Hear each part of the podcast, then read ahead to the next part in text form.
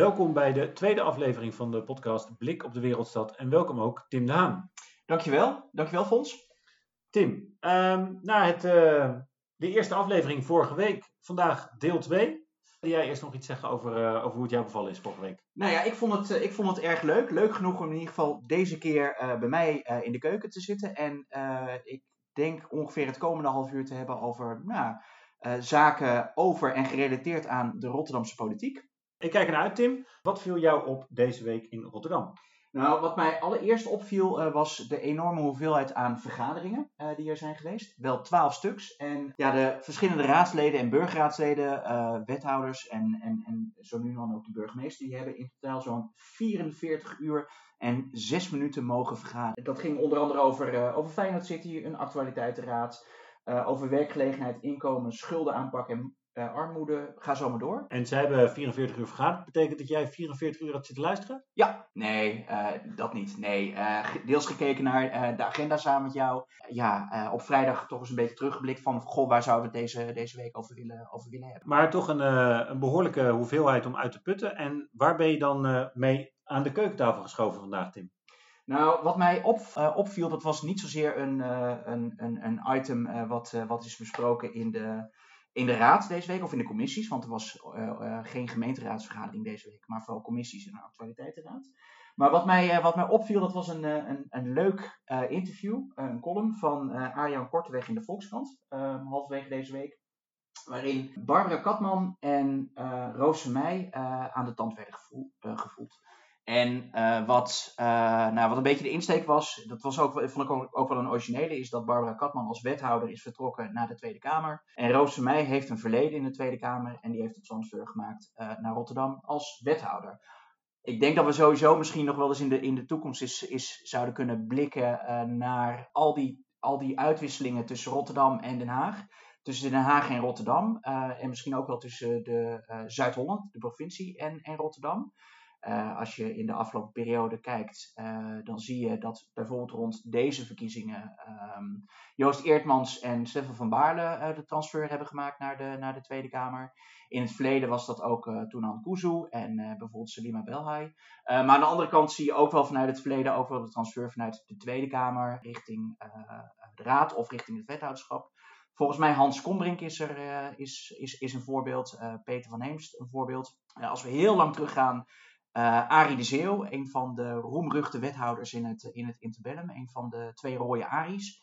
Uh, heeft volgens mij ook de transfer gemaakt. Um, maar goed, wat ik al zei, misschien moeten we daar eens een andere keer over hebben. Ja, dan wil ik er nog wel één noemen. Een transfer vanuit het kabinet. Burgemeester Abu Talib is ooit uh, als staatssecretaris verkast naar, naar het paleis aan de Koolsingel. Ah, ja, absoluut. Ja. Volgens mij wordt het wel een, een, een, nou, een, een, een mooie lijst als we eens gaan kijken van welke welke karakteristieke interessante personen heen en weer zijn, uh, zijn gegaan tussen, tussen beide raden en tussen, tussen beide, uh, beide besturen. Uh, maar waar, ik, waar ik op aansloeg in, in die column was niet zozeer die transfer heen en weer, maar dat was ja, een, een hardnekkige mythe waar ik toch eens een keertje bij, bij stil wil, wil, wil staan. In het stuk staat, ooit was Rotterdam een rode stad. Tussen 1974 en 1982 waren alle wethouders er van de PvdA. Er hing een rode vlag aan de gevel, zegt Barbara Katman. Nou ja, alleen op 1 mei. Toch vult Roos mij aan. Ja, en dat is toch echt een hardnekkige mythe die ik heel graag zou willen, willen ontkrachten. Um, ik denk dat het een beetje voort is gekomen uit wat correct is. Is dat, dat uh, in die periode echt nou, uh, de Partij van de Arbeid super dominant was. De grootste partij, de absolute meerderheid, um, uh, vertegenwoordigde in de raad, in het college.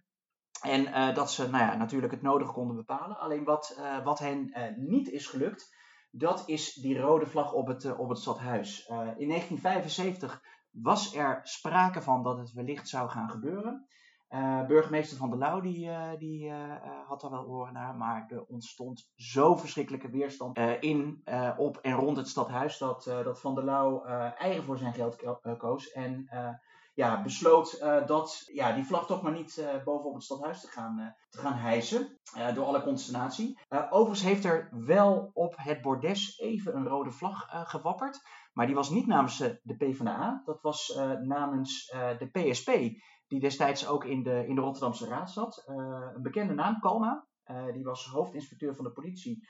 maar ook, ook raadslid. Ehm, ik denk dat we zijn naam nog wel kennen, ook door zijn zoon. Met dezelfde achternaam natuurlijk, Kalma, die in de Tweede Kamer heeft gezeten.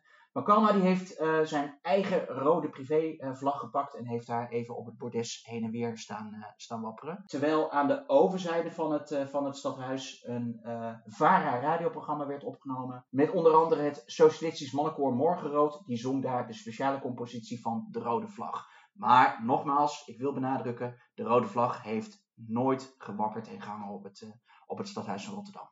En Tim, de PSP is natuurlijk een van de voorgangers van GroenLinks. Uh, op dit moment wordt er gesproken over wellicht een, eh, een, fusie ooit tussen GroenLinks en PvdA. Gesprekken die niet voor het eerst plaatsvinden. Zou je kunnen zeggen dat in retrospect dit wellicht de eerste tekenen aan de horizon zijn? ja, ik vind het een, een interessante insteek. Ja, wellicht wel inderdaad. Dat die, dat die rode, uh, rode wapperende vlag de, de, de, eerste toenadering wellicht is geweest voor deze, voor deze fusie. Fons, wat viel jou deze week op? Ja, ik wilde. Nou ja, eigenlijk viel mij op waar, wat niemand opviel. Namelijk afgelopen woensdag 23 juni was het eerste lustrum van het Brexit-referendum. Uh, het lijkt misschien uh, onvoorstelbaar, maar het is inmiddels vijf jaar geleden dat het Verenigd Koninkrijk stemde om uit de Europese Unie te treden. Een unicum in de Europese Unie die tot dan toe groei had gekend. En van de uh, ruim 23,5 miljoen kiezers die kwamen, uh, stemde uh, net geen 52% voor uittreden uit de, uit de Europese Unie. Ehm, waarmee een, ehm, een, nieuwe start werd gemaakt voor Europa en een lidstaat besloot eruit te gaan. en ook een soort nieuwe fase ontstond in de Europese Unie, omdat we dit nog nooit hadden meegemaakt. Het beroemde artikel 50 trad in werking waarmee uh, lidstaten hun lidmaatschap uh, konden opzeggen en onderhandelingen daarover uh, begonnen. En, en waarvan we tot op, vandaag, tot op de dag van vandaag nog steeds de effecten merken. ik kan me vooral nog goed herinneren, en dat is misschien dan ook het haakje met Rotterdam, dat ik in die tijd ook wel eens voor mijn werk bij Buitenlandse Zaken kwam en dat er altijd voor werd gewaarschuwd dat als een exporteur in Tsjechië een formulier niet juist had ingevuld, dat het kon betekenen dat hij in Hoek van Holland stil kwam te staan. En dat was toch het angstbeeld en het doembeeld wat werd geschetst, waarmee ook allerlei Nederlandse bedrijven zich bewust moesten zijn met partijen met wie ze zaken deden en of die wellicht op de een of andere manier uit, uit het Verenigd Koninkrijk kwamen en waar ze zich op moesten voorbereiden. Ja, dat kan ik me nog wel herinneren. Dat was destijds overigens ook wethouder Barbara Kapman, die economie in haar portefeuille had. Die nou, onder andere vanuit de Raad, maar zeker ook vanuit de gebiedscommissie, vol ja, zorgen, met zorgen op pad werd gestuurd. Want nou ja, men, men voorzag inderdaad die A20 vol met, met vrachtwagens met containers achterop in de file richting de ferry. En volgens mij is daar destijds ook nog een, een aparte parkeerplaats voor, voor aangelegd bij, bij Hoek van Holland om dat een beetje op te pakken. Parallel gespiegeld misschien aan, aan, aan die befaamde parkeerplaats in, in Kent. Als ik mij niet vergis, of, of in de buurt van Dover, waar we nog volgens mij nog een, een prachtige generale repetitie hebben mogen aanschouwen hoe dat, hoe dat ging. weet jij dat nog? Ik, kan me nog herinneren dat in elk geval allerlei eh, vrachtwagenchauffeurs niet opkwamen dagen. Volgens mij was er een, uh, wel een vergoeding als je daar een deel wilde nemen. Maar volgens mij had een deel van de chauffeurs besloten om die de, de avond voorafgaand aan deze test uh, te besteden in de lokale pub. Waardoor er minder vrachtwagens waren, maar alsnog de hele boel spaak liep. En, en wat mij ook nog bijstaat is dat er uh, recent in het nieuws was van een andere parkeerplaats die, uh, die ook als uh, noodopvang gebruikt kon worden, maar dat die onder water stond. want deze parkeerplaats bleek namelijk ook dienst te doen als waterberging in geval van extreme regenval. Ja, memorabel. um, maar wat, wat, wat, wat, heeft het, wat heeft het Rotterdam naast de parkeerplaats nog, uh, nog meer gebracht? Nou ja, wat je, wat je ziet is als je dat hele dossier bekijkt uh, in de loop van de, van de tijd, en, en ik zal niet op alle details ingaan, maar dat eigenlijk ontwikkelingen aan beide kanten van het kanaal redelijk gelijk opgaan. Uh, aan beide kanten bestond opeens de behoefte aan douaniers, omdat er een, een buitengrens ontstond. Van Holland werd een, een grens van de Europese Unie en ook het Verenigd Koninkrijk waren extra douaniers nodig. Ik weet in elk geval dat de Nederlandse regering volgens mij vrij voortvarend daarmee aan de slag is gegaan. En, en ook voldoende douaniers had en tijdig opgeleid om dat werk te doen. Uh, dat moest ook aan de kant van het Verenigd Koninkrijk gebeuren. Het interessante is dat het eigenlijk tot nu toe vrij rustig is gebleven aan deze kant in elk geval. Ja, dat valt me ook op. Je zou, je zou bijna zeggen van uh, is, is, uh, is de zorg misschien op dit moment niet, niet groter rond de aankomst van het, de Delta variant van het coronavirus in, in de hoek van Holland wellicht boven allerlei containers die daar, eh, die daar eh, gestrand zijn zonder de juiste papieren? Ja, dat, dat is een goede vraag. Ik denk dat sowieso corona heeft geleid tot de eerste uh, zichtbare verschillen tussen het, uh, het continent en het, uh, en het Verenigd Koninkrijk, waarbij natuurlijk echt een ander vaccinatiebeleid werd gevoerd aan de, aan de overkant van het kanaal, waarbij misschien ook wel soms met, met een soort afgunst werd gekeken, mede door het, het eerste vaccin wat, wat door de Universiteit van Oxford mede werd ontwikkeld. Maar we gaan straks, denk ik, als, als alles weer open is, gaan we, gaan we zien wat de effecten zijn, wat gaat de financiële markten doen, maar ook wat het gaat straks betekenen in, in Noord-Ierland, waar opeens weer een grens is en men toch heel beducht is voor de gevolgen die dat gaat hebben voor de spanningen tussen Ierland en, en Noord-Ierland. Uh, en daarnaast wat mij opviel, ik heb, ik heb me even in het onderwerp nog eens verdiept en ik dacht, god, hoeveel mensen hebben hier nou aandacht aan besteed? En wat mij, uh, wat mij opviel is een, een tweet van Nigel Farage, misschien ook leuk voor de show notes.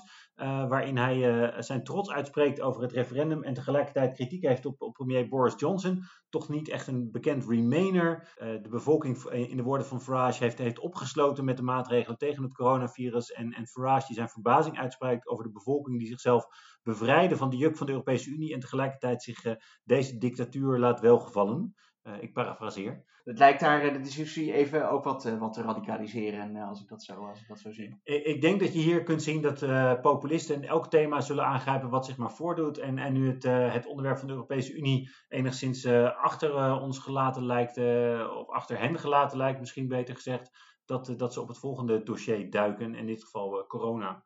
Misschien nog even een andere hoofdrolspeler rond het, rond het Brexit-dossier. Uh, een Fransman, Barnier, hoe staat het daarmee? Ja, de, de, misschien wel de bekendste ambtenaar een tijdje van de Europese Unie, zou je kunnen zeggen. Namens, uh, namens de Europese Unie uh, onderhandelde hij met het Verenigd Koninkrijk. zijn, zijn uh, gesprekspartners varieerden nog wel eens. Daar werd nog wel eens uh, met alle uh, regeringswijzigingen die daar plaatsvonden, nog wel eens een minister ingehaald voor een ander. maar hij um, overweegt op dit moment om zich te kandideren voor het Franse presidentschap. De verkiezingen daar zijn, zijn volgend jaar. en hij lijkt een vrij goede kans te maken namens Les Républicains. dus wellicht dat, dat Macron straks toch een slachtoffer blijkt te zijn van, van Brexit. dat zou een conclusie zijn. Misschien nog één conclusie als we kijken richting Rotterdam. Een grote parkeerplaats extra douaniers en op dit moment, als ik naar buiten kijk, een kalme zee? Ik, uh, ik denk dat uh, dat op dat met een goede conclusie is, maar we gaan zien hoe dat zich de komende jaren ontwikkelt uh, en wat dat gaat betekenen voor, voor Nederland en voor Hoek van Holland in het bijzonder. Ja, Fons, dan zijn we bij het, bij het hoofdonderwerp en dan gaan we naar afgelopen donderdag, de actualiteitenraad, met een aantal onderwerpen er, erop, maar waar, waar we het vooral over zullen gaan hebben, dat is de VN-rapportage en de Tweebosbuurt. Ja, de VN-rapportage. Ik denk inderdaad de Tweebosbuurt, want het viel mij op dat Rotterdam daarmee ehm, terecht of onterecht opeens het, het 8 uur snel haalde. Ik geloof zelfs als opening eerder deze week. Met inderdaad de sloop van de Tweebosbuurt. Ja, daar was, daar was iedereen, uh, daar was iedereen van, uh, van, van geschrokken. Was een hele hoop uh, raadsleden en ook de wethouder, Paul Curvers, was daar, was daarvan geschrokken. Misschien even goed om, om, om te kijken naar het VN-instituut. Want we hebben het hier over de High Commissioner for Human Rights. Dat is een, uh, is een club die, uh, ja, die, uh, die rapporteert over zo'n 57 verschillende onderwerpen. Er zijn special rapporteurs voor. die zijn er sowieso over landen als Noord-Korea, Iran of Belarus. Maar die zijn er ook rondom onderwerpen zoals disabilities, cultural rights of zelfs albinisme. En um, wat ook opvalt als je even gaat kijken naar de verslagen, is dat Nederland een van de grootste donateurs van deze organisatie is. Die staat in de afgelopen jaren structureel in de top 5 uh, aan, aan donateurs. In 2020 is daar zo'n 14,7 miljoen uh, euro aan overgemaakt. En wat ook wel opvallend is, is dat 40% van dat budget uh, ongeoormerkt is. Uh, dus het totaal uh, aantal, op het totale uh, aantal budget van de High Commissioner for Human Rights is zo'n 9,5% ongeoormerkt. Is dit een soort Trumpiaans uitstapje, wie betaalt bepaalt en, en ze moeten wat minder klagen over Nederland? Wat jij nee, nee, dat zou ik absoluut niet willen zeggen. Maar wat ik, wat ik wel interessant vind is dat als je gaat kijken, als het om, om, om, om die rapportages gaat, is, uh, ja, Nederland heeft uh, ook wel een, een, uh, een traditie en een naam om mensenrechten belangrijk te vinden, om die instituties belangrijk te vinden, om daarin te investeren.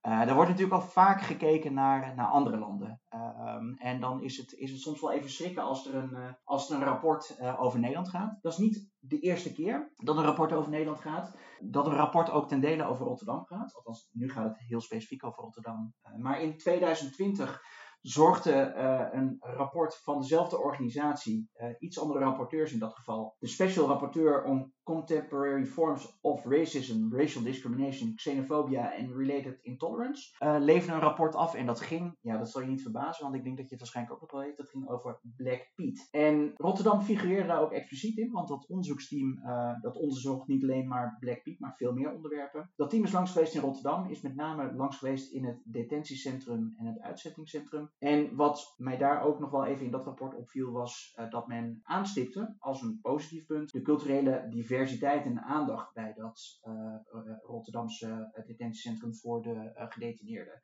Overigens was men, want ik wil daarmee niet de vlag uithangen, bepaald niet enthousiast over de eenzame opsluitingen daar. Maar misschien even terug naar het huidige rapport. Ja, nou ja, ik ben ben is in dat rapport gedoken. En, en wat je, vielen mij een paar dingen eigenlijk op. Allereerst is de kritiek uh, op Rotterdam omdat er een, uh, uh, het aantal betaalbare huizen wordt, wordt beperkt. Ze verwijzen daar ook naar de, de woonvisie, die natuurlijk een aantal jaar geleden is, is aangenomen. En dat, dat de sloop van die huizen mogelijk een schending is van het mensenrecht op, op fatsoenlijke huisvesting. Ik denk dat dat, ik benadruk even het woord mogelijk, omdat ik dat wel doorlees in het rapport, dat er wel wat slag de arm wordt gehouden. Um, een, een, kritiekpunt daarbij is dat de vraag is of de huidige bewoners voldoende ondersteund zijn en, en voldoende betrokken zijn bij het proces uh, en dan ondersteuning hebben gekregen bij het vinden van, van nieuwe huisvesting. Het, tweede punt wat ze verder noemen is dat er mogelijk financieel belang is voor, voor Vestia, de woningcorporatie die deze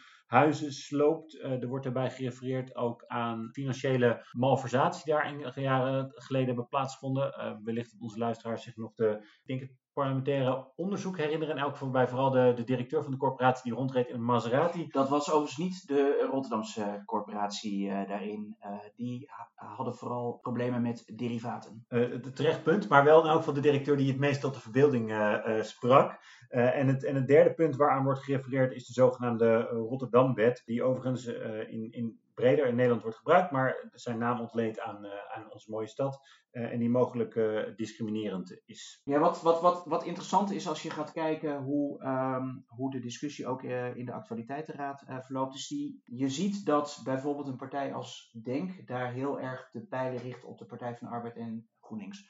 Hoe kunnen jullie dit, uh, dit beleid, uh, beleid steunen? Uh, Denk vloog overigens ook wel in, in het actualiteitsdebat wat uit de bocht met de term woninggenocide. Ja, die kreeg ze, die kreeg ze teruggekaatst. Wat daar wel weer interessant bij is, is dat notabene de SP, die eigenlijk met poten daar in de, de klei van de Tweebosbuurt staat. En daar bewoners ook met, met raad en daad bij staat. Het, het Jonker, die, ja, die schoot de wethouder te hulp. En die gaf ook wel aan, richting, eh, richting denk dat hij uh, ja, het begrip woongenocide bepaald niet uh, prettig vond en ook niet goed voor een zuiver debat. Tim, je noemt nu vooral de partijen die misschien wat meer aan de linkerzijde van het politieke spectrum zitten.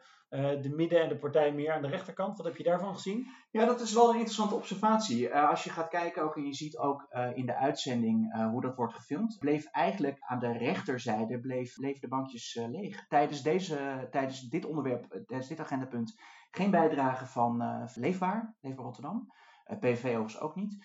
Uh, maar goed, die hebben, die hebben één zetel, Leefbaar met elf zetels. Daar, kwam, daar was geen bijdrage bij. VVD een bescheiden bijdrage. Ik denk dat het ook wel komt vanwege de, de wethouder die een VVD-kleur heeft. Het is natuurlijk de wethouder van alle Rotterdammers. Maar, ehm, maar wat, wat ik wel boeiend vond, was dat, dat zeker ook um, eigenlijk in, in dat middentaartstuk van de, van de Rotterdamse Raad, ja, de discussie, de discussie plaatsvond. En je ziet dat daar ook wel de worsteling plaatsvindt uh, tussen, tussen die partijen. Een van de punten die bijvoorbeeld ook wel werd aangedragen, onder andere vanuit de PvdA, overigens was de wethouder en volgens mij de VVD het ook wel mee eens was, Goh, moeten we nu niet eens eh, gaan naar een sociaal statuut uh, voor de bewoners van, van corporatiewoningen. Dus bij herstructurering duidelijke rechten en plichten uh, voor, uh, voor de bewoners. Geeft ook wel een beetje aan wat jij net uh, aanstipte, de ondersteuning van, van bewoners. Komt toch ook wel een beetje tussen de regels doorlezen, ook in de beantwoording van, van de wethouder.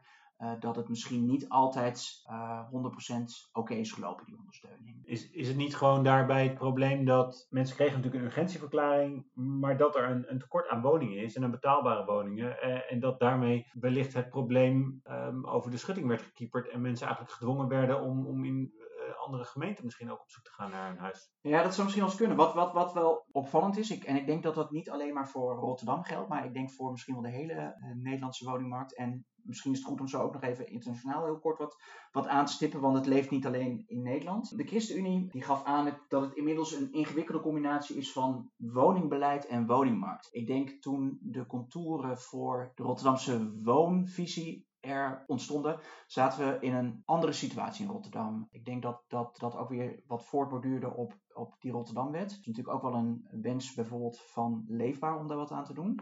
Maar je zag dat Rotterdam op een aantal vlakken nog, zoals dat altijd werd genoemd, de verkeerde lijstjes aanvoert. Je ziet nu, er zijn een aantal ingrediënten misschien ook wel voor, misschien dat we er zo nog even bij stil kunnen staan, maar dat die woningmarkt echt een totaal andere dynamiek heeft, uh, heeft gekregen. En dat, ja, dat, dat maakt het ingewikkeld. Andere dynamiek? Je bedoelt dat men er veel meer bewust van is dat er eigenlijk een groot tekort aan woningen is. Waar terwijl toen Rotterdam werd, ingevoerd, de woningmarkt voor het gevoel op een andere manier op slot zat. Ja, ik denk, ik denk, dat, je dat, ik denk dat je dat terecht stelt, ja, inderdaad. En ik denk zelf, wat ik interessant vond, dat vergelijkbaar, want in dezelfde periode eigenlijk dat dit in het nieuws kwam, viel mij een radiobericht op over de OESO, uh, de, de club van, van westerse uh, landen uh, en daarbij kijkt naar economisch beleid, dat hij ook iets schreef over de Nederlandse woningmarkt en eigenlijk constateerde dat er te veel sociale huurwoningen zijn in Nederland. Ik denk dat dat een beeld is dat we misschien wel allemaal kennen. Je hebt een, een behoorlijke bulk aan sociale woningbouw.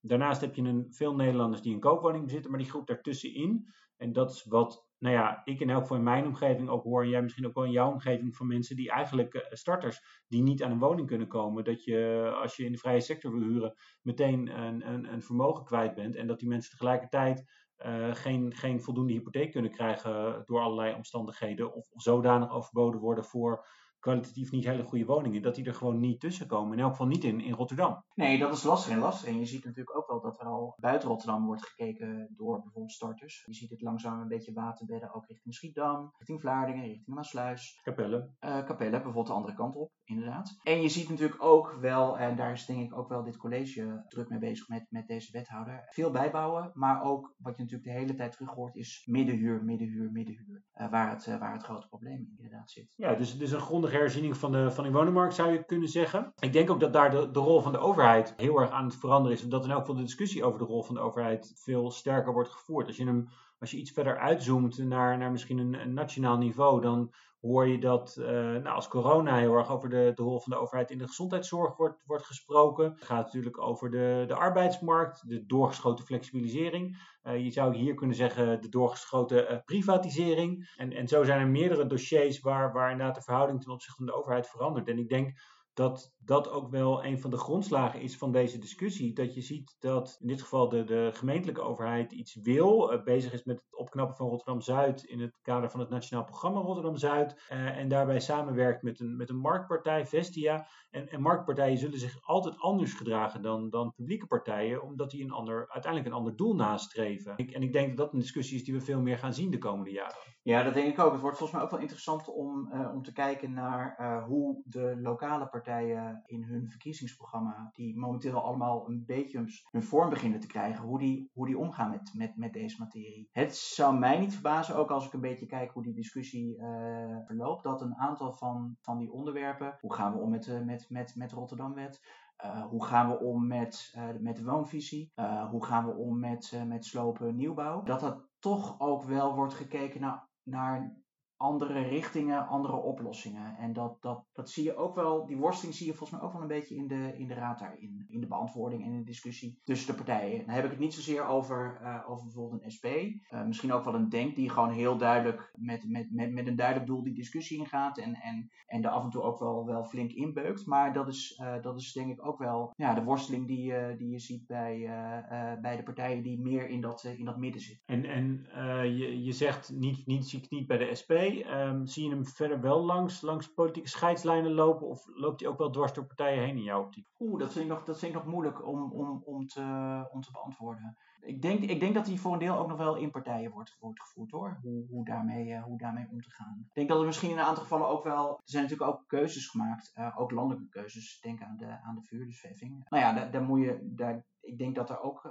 anders nu naar wordt, wordt gekeken. Nee, ik denk dat die verhuurdersheffing inderdaad een, een groot probleem is voor, partijen zoals Vestia. En, en ik denk inderdaad dat dit, ja, die hele woningmarkt, net als die andere dossiers die ik net noemde, gewoon vraagt om veel meer landelijk beleid in plaats van, van lokaal beleid. Als je kijkt, er zijn gewoon grote verschillen tussen gemeentes. Wat, wat mij opviel in dit dossier, we hebben een paar keer de SP genoemd, die, die toch behoorlijk kritisch zijn. Dit beleid van gentrificatie, dat in, in, in 020 de wethouder die daarover gaat en, en ook toegeeft dat dat onderdeel was van de gentrificatie, een, een wethouder is van, van SP-huizen en die daar nu eigenlijk ook weer op terugkomt. Hè? Die trapt daar op de rem, terwijl Rotterdam misschien nog even gas bijgeeft. Uh, ja. ja, dat lijkt me lastig. Dus inderdaad meer roep om landelijk beleid daarin. Nou, het wordt interessant om te kijken wat een, uh, wat een komend kabinet daar uh, aan stappen in, uh, in wil zetten. Daar ben ik heel benieuwd naar. Overigens denk ik ook dat het niet alleen, daar hadden we het al eerder over, niet alleen ophoudt bij de grenzen hier. Als je even iets naar, een, naar een Europees niveau kijkt, dan vallen mij twee zaken op.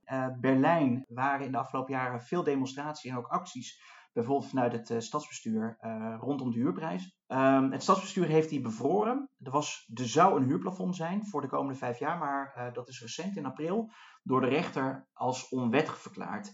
Een ander land, Zweden, is ook alweer een interessante ontwikkeling daar. Daar is afgelopen week de regering gevallen, een minderheidsregering zoals die daar vaak hebben, via een, eh, een motie van wantrouwen. Dat is vrij uniek, uh, begrijp ik, eh, voor, voor de Zweden.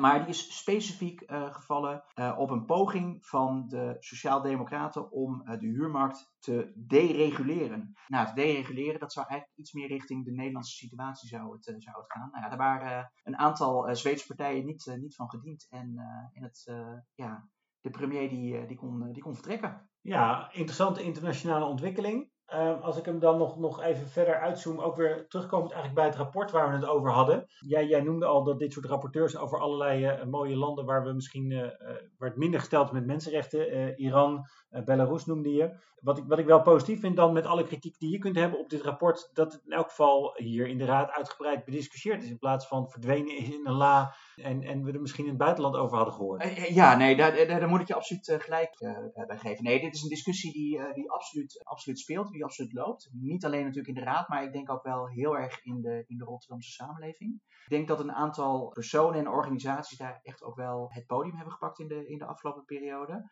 Uh, denk ook aan een organisatie als Recht op de Stad, die deze ontwikkelingen uh, aan de kaak stellen. Ik denk dat, dat, dat er, een, dat er een, een situatie is ontstaan rond, rond de Tweebosbuurt, waarin eigenlijk dat een, ja, een, een, een illustratie, waarmee het eigenlijk een illustratie is geworden uh, hoe, het, hoe het wellicht niet zou, hoe men het niet zou willen hoe we het niet zouden moeten doen. Je hebt daar een aantal uh, karakteristieke uh, figuren die er ook, uh, ook rondlopen en, en benauwd zijn om een mening daarvoor te geven. Denk aan een, denk aan een Edwin Dobber. de journaalkijkers hem ongetwijfeld zullen herkennen met zijn veelvuldig, meestal heeft hij een, een Feyenoord petje op. Nou, die is niet uh, te benauwd om, uh, om zijn mening uh, daar, daar te geven. Mustafa Eyasouayen, die zie je daar ook vaak, vaak opduiken. schrijft ook de nodige columns, bijvoorbeeld op, op, op Vers Beton over, over de situatie. En wat ik al zei, je ziet ook, ook bijvoorbeeld vanuit, vanuit de SP een, een persoon als, als Ineke Palm zie je ook regelmatig daar bij die demonstraties opduiken. Die schreef ook op haar Facebookpagina, deze slag is verloren, maar de strijd gaat door. Ja, dus, dus als we het geheel in oogschouw nemen, zijn we nog niet van dit dossier af, ondanks dat de sloop nu, nu is begonnen. En, en vraagt het zelfs misschien wel om meer uh, landelijke actie? Ja, dat, uh, dat denk ik wel. En wat er sowieso nog gaat gebeuren, want eigenlijk, dat zij, dat was een beetje de boodschap die wethouder Curvers gaf, het gesprek start nu pas. Er zijn een aantal, aantal zaken geconcludeerd uit, het actualiteiten, uit de actualiteitenraad. En dat is onder andere dat men dus wil gaan kijken rond, rond een sociaal statuut. daar wil men mee aan de slag. Uh, maar, dat is natuurlijk ook uh, een, belangrijk punt, de VN-mensenrechtenrapporteur wordt, wordt uitgenodigd. Om hier um, het een en ander over te komen toelichten. Ja, ja. Wat, wat, mij daar wel even opviel nog in het rapport, want het is naar buiten gebracht en, en toen was het natuurlijk ophef in Nederland, dat voordat deze commissie het rapport naar buiten bracht, dat de Nederlandse overheid is gevraagd om een aantal vragen te beantwoorden en Nederland heeft dat nagelaten. Ja. Zou je kunnen zeggen, wordt vervolgd? Ja, wordt, wordt vervolgd. En ehm, eh, een deel van de vragen in de actualiteitsraad werd, uh, werd beantwoord door, uh, door burgemeester Abu. Ja, die was, die was wat verbaasd, want die zei, ja, maar ze kennen mij bij de, bij de Verenigde Naties. Waarom hebben ze mij nog, nog niet gebeld? Nou, ik denk dat per keer de post er een uitnodiging gaat, of denk, ik weet het wel zeker. Uh, dat was ook wel een van de, een van de toezeggingen. Uh, de VN-mensenrechtenrapporteur wordt uitgenodigd. Ik denk dat hij ook uh, persoonlijk op de koffie zal komen bij, bij burgemeester Abu. Lijkt me, lijkt me niet meer dan logisch op dit, dit belangrijke dossier. En volgens mij zijn we daarmee ook aan het einde gekomen van deze, deze aflevering. maar gaan we ongetwijfeld nog eens terugkeren op dit belangrijke dossier. in elk geval bedankt Tim voor je toelichting. Ja, dankjewel Fons. Ik vond het leuk om het hier weer over te hebben.